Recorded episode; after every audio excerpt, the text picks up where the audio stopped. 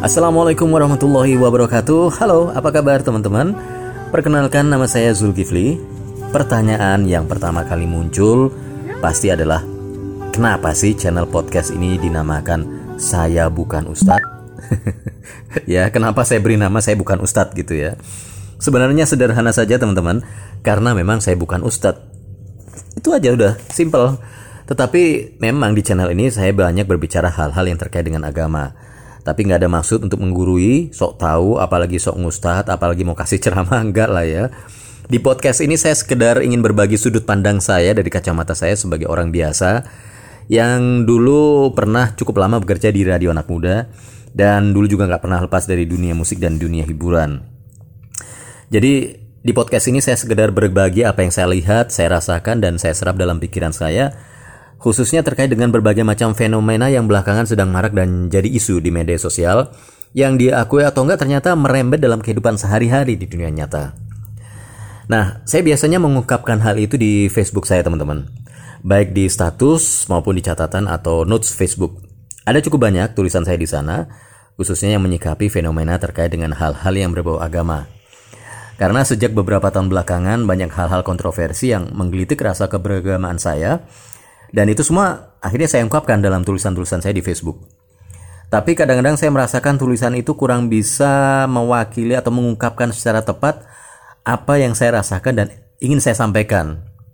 Gak jarang tulisan yang saya buat dengan santai, gak emosional sama sekali. Ternyata malah ditangkap beda oleh pembaca saya. Ada yang mengira saya sedang marah-marah, emosional, bahkan masuk dalam kelompok Islam garis keras ya. Oke, nah itulah membuat saya tergelitik untuk mencoba mengungkapkannya dalam bentuk podcast atau suara ya. Hal yang menjadi pekerjaan saya sejak puluhan tahun yang lalu. Karena kalau dengan suara menurut saya ini barangkali akan lebih mudah eh, pendengar itu menangkap maksud saya. Karena bisa lebih komunikatif. Dan karena saya bukan ustadz, di podcast ini saya nggak mungkin akan berkhutbah, bertausiah, apalagi bergaya kayak orang sok paling ngerti agama, enggak lah. Saya benar-benar hanya sekedar berbagi dari sudut pandang saya secara pribadi sebagai seorang muslim, sebagai orang biasa, orang yang masih jauh dari sempurna dan ya samalah dengan teman-teman semuanya ya. Orang yang masih banyak dosa, yang masih perlu banyak tobat, perlu banyak belajar tentang agama, perlu banyak bergaul dengan orang-orang alim, perlu memperbaiki diri dari segala sisi. Nah, kalau misalnya ada yang sependapat atau berbeda pendapat dengan apa yang saya sampaikan di episode podcast saya, dan ingin berdiskusi, mau nambahin atau melengkapi pendapat yang saya sampaikan di sini, silakan Anda bisa email atau teman-teman bisa email saya di saya bukan at gmail.com ya. Jadi emailnya di saya bukan at gmail.com atau bisa masuk lewat Anchor FM www.anchorfm.com kemudian Anda cari channel saya bukan uh, Ustadz nanti Anda bisa kirimkan pesan suara di situ. Nah, di tema podcast perdana saya bukan Ustadz yang saya angkat kali ini adalah tentang menyikapi perbedaan pendapat. Nah, saya akan ambil salah satu contoh saja yang terkait dengan tema ini, menyikapi perbedaan pendapat soal hukum musik. Saya akan ambil contoh itu. Karena ada yang berpendapat haram, ada yang berpendapat mubah atau boleh-boleh saja. Nah, tapi saya nggak mau membahas soal hukumnya, teman-teman. Karena memang sudah ada dua pendapat tentang itu. Itu ranahnya para ustadz. Saya cuma ingin mengomentari soal reaksi dari para netizen dalam menyikapi hukum musik ini. Jadi bukan masuk ke masalah hukumnya, tetapi reaksi dari para netizen dan apa yang harus kita lakukan menyikapi perbedaan hukum ini. Nah belakangan teman-teman, dengan makin maraknya pengguna media sosial, perbedaan soal hukum musik dari kacamata ajaran Islam, ternyata menimbulkan banyak caci maki yang sudah sampai pada tingkat menyerang dan melecehkan keyakinan umat beragama ini memang khususnya terkait di media sosial nih. Yang nggak setuju kalau musik dianggap haram, nggak sedikit yang terus mencaci maki sampai mengeluarkan kata-kata kasar, kotor, dan jorok terhadap mereka yang meyakini musik itu haram. Sebaliknya orang yang berpendapat musik itu haram juga begitu. Mereka menghujat orang-orang yang beranggapan bahwa musik itu boleh-boleh saja atau mubah. Jadi dua kubu ini ada yang sampai ekstrim gitu loh, saling mencaci maki saling menyesatkan dari sudut pandang mereka masing-masing. Nah, sebagai orang yang pernah puluhan tahun berkecimpung di dunia yang gak pernah jauh-jauh dari musik, dulu saya juga sama sih. terkaget-kaget bahkan menganggap aneh ketika ada ustadz yang meyakini pendapat bahwa musik itu haram. Bagi saya waktu itu orang-orang yang menganggap musik itu haram nggak paham gitu loh nilai seni dan keindahan. Karena yang saya tahu sejak kecil uh, ustadz-ustadz populer yang sering muncul di televisi dan radio nggak pernah ada tuh yang mengharamkan musik. Mereka hanya mengharamkan musik yang mengajak kepada kemaksiatan. Nah, tapi seiring perjalanan waktu, dengan makin seringnya bertemu dan mengaji dengan berbagai macam ustadz yang punya latar belakang mazhab dan ormas yang beda-beda, dan dengan semakin mudahnya mencari informasi melalui internet, akhirnya saya bisa sangat memahami dan menghormati keyakinan agama yang mereka pegang teguh soal itu. Baik mereka yang mengharamkan maupun yang membolehkan, teman-teman. Ternyata dari mereka masing-masing punya dalil atau dasar referensi ilmiah.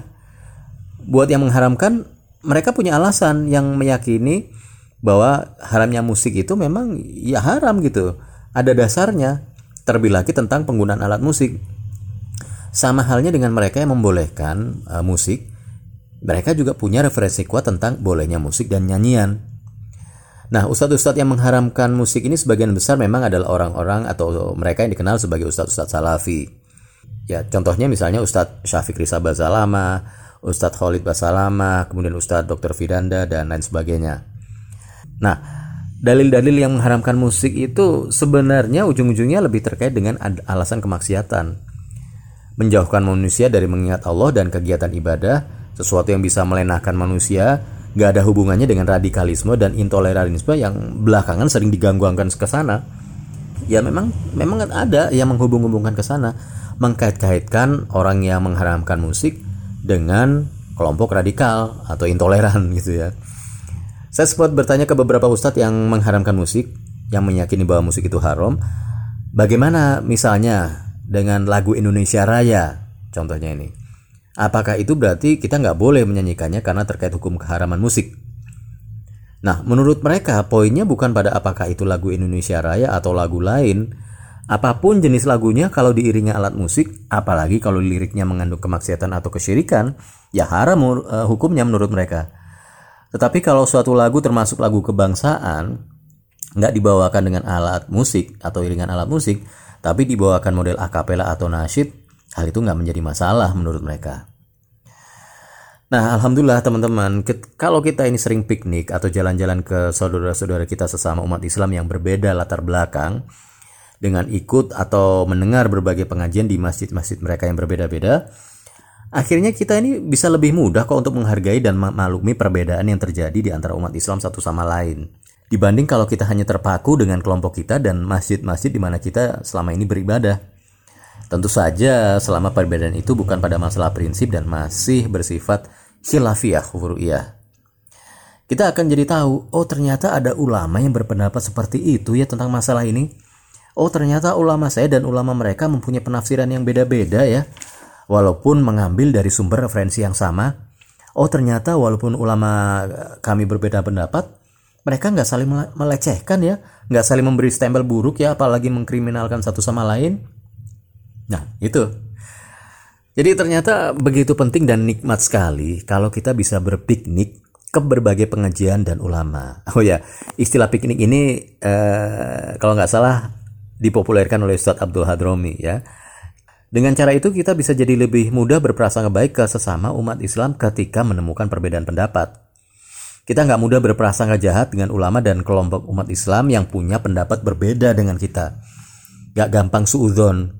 Kita bisa lebih mudah mencari seribu satu alasan kebaikan kenapa ada ulama yang berbeda dengan ulama kita ketika mengambil um, pendapat atau mereka bisa mengambil pilihan yang berbeda pemahaman satu sama lain.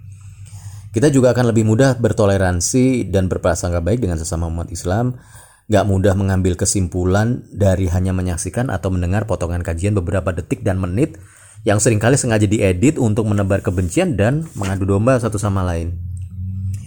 Nah, dengan semakin kita sering berinteraksi dengan mereka yang berbeda mazhab atau ormas ini, kita jadi nggak akan sampai buru-buru mudah menuduh sesama muslim yang berbeda dengan pemahaman kita, khususnya terkait perkara-perkara khilafiyah ini ya, seperti masalah musik dan nyanyian sebagai Islam radikal, anti NKRI, nggak nasionalis, anti Pancasila, nggak nyunah dan sebagainya. Pokoknya saling tuduh itu nggak ada gitu loh. Kalau kata kawan saya, ya mbok gaul gitu loh kita sesama muslim biar nggak gampang suzon mulu. Jadi sederhana sekali kok teman-teman. Islam itu indah. Islam itu menghargai perbedaan pendapat. Islam itu toleran dan perbedaan itu indah. Perbedaan itu bisa untuk saling melengkapi, bukan untuk saling menghakimi. Nah, bagaimana menurut teman-teman?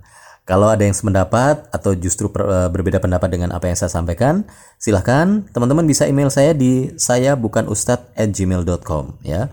Atau buka Anchor FM di channel saya saya bukan ustadz kemudian kirimkan pesan suara ke channel saya saya bukan ustadz ya. Atau di email tadi saya bukan ustadz at gmail.com dan ikuti terus podcast saya bukan ustadz dan jangan lupa follow klik dan share podcast ini buat teman-teman yang sedang mendengarkan via Anchor FM lewat Spotify, Google Podcast ataupun platform podcast-podcast yang lain kalau teman-teman menganggap bermanfaat dan layak untuk dibagikan ke sesama ya. Baik, nama saya Zulkifli, saya bukan Ustadz, semoga bisa memberi manfaat. Sampai ketemu lagi di podcast berikutnya. Wassalamualaikum warahmatullahi wabarakatuh.